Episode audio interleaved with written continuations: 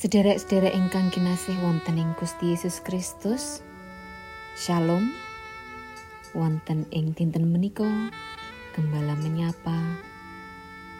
Kapendet saking kitab Para Hakim 6 ayat 11 dumugi kawan likur. Dene waosan ing dinten menika dipun paringi ira-iran ngluwari budaya konsumtif. Sinten engkang dereng tepang kalian Artijo Alkostar. Piyambakipun menika satunggaling hakim ing Indonesia ingkang misuwur awit tumindakipun ingkang tegas, pener lan leres. Hakim Artijo menika manahipun resik saking suap para koruptor boten mempan dipun sogok kanthi arto gesang padintenanipun tebih saking kemewahan piyambakipun menika dipun tepang minangka hakim ingkang kendel anggenipun numpes para koruptor ngantos piyambakipun kasebat hakim agung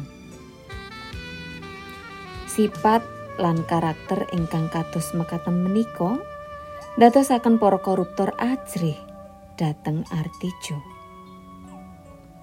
Ing salah satunggaling buku kisah-kisah teladan kesederhanaan tokoh bangsa kacariosaken bilih Artijo menika hakim ingkang tumindak adil ing kaleresan kabukti Artijo saged ngadili lan mutusaken songolah sewu pitung atus wolu perkawis hukum. Ngantos piyambakipun kasebat malaikat maut kangge para koruptor.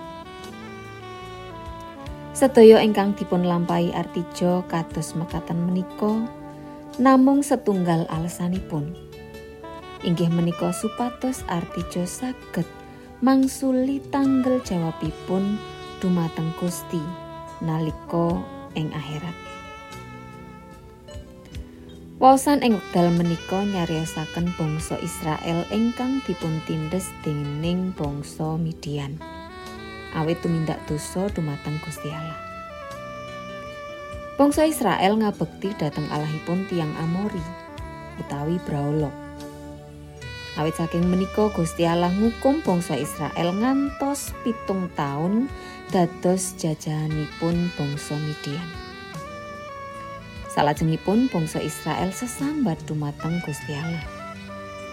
Lajeng Gusti Allah ngutus Gideon kangge ngluari bangsa Israel. Kasebataken bilih Gideon menika satunggaling hakim utusanipun Allah kangge ngluari bangsa Israel saking panindesanipun bangsa Midian. Sinaosa Gideon rumaos tasih alit lan tasih timur. Menika mboten dados pambengan. Anggenipun Gusti Allah miji piyambakipun dados hakim. Gusti Allah perjanji badhe ngreksa lan nunggil Gideon nindakaken ayanipun mujudaken pangluaran bangsa Israel. Ing wekdal menika kula lan panjenengan kaajak sesarengan dados umatipun Gusti ingkang saged paring pangluaran. Tuladanipun ngluari pola pikir menawi wit-witan toyo udara menika mboten namung dados barang konsumtif. Ananging kedahipun dipun upati satemah saged lestantun. kita ngluari pamanggih bab alam bilih alam menika mboten namung dipun ginakaken kangge nyekapi kapetan konsumtif kemawon ananging alam menika saged to dados kanca gesang ing jagat menika.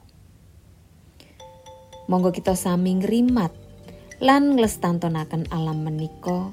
Satemah putra wayah kita saged ngraosaken gesang kanthi sae. Gusti berkahi kula lan panjenengan sedaya. Amin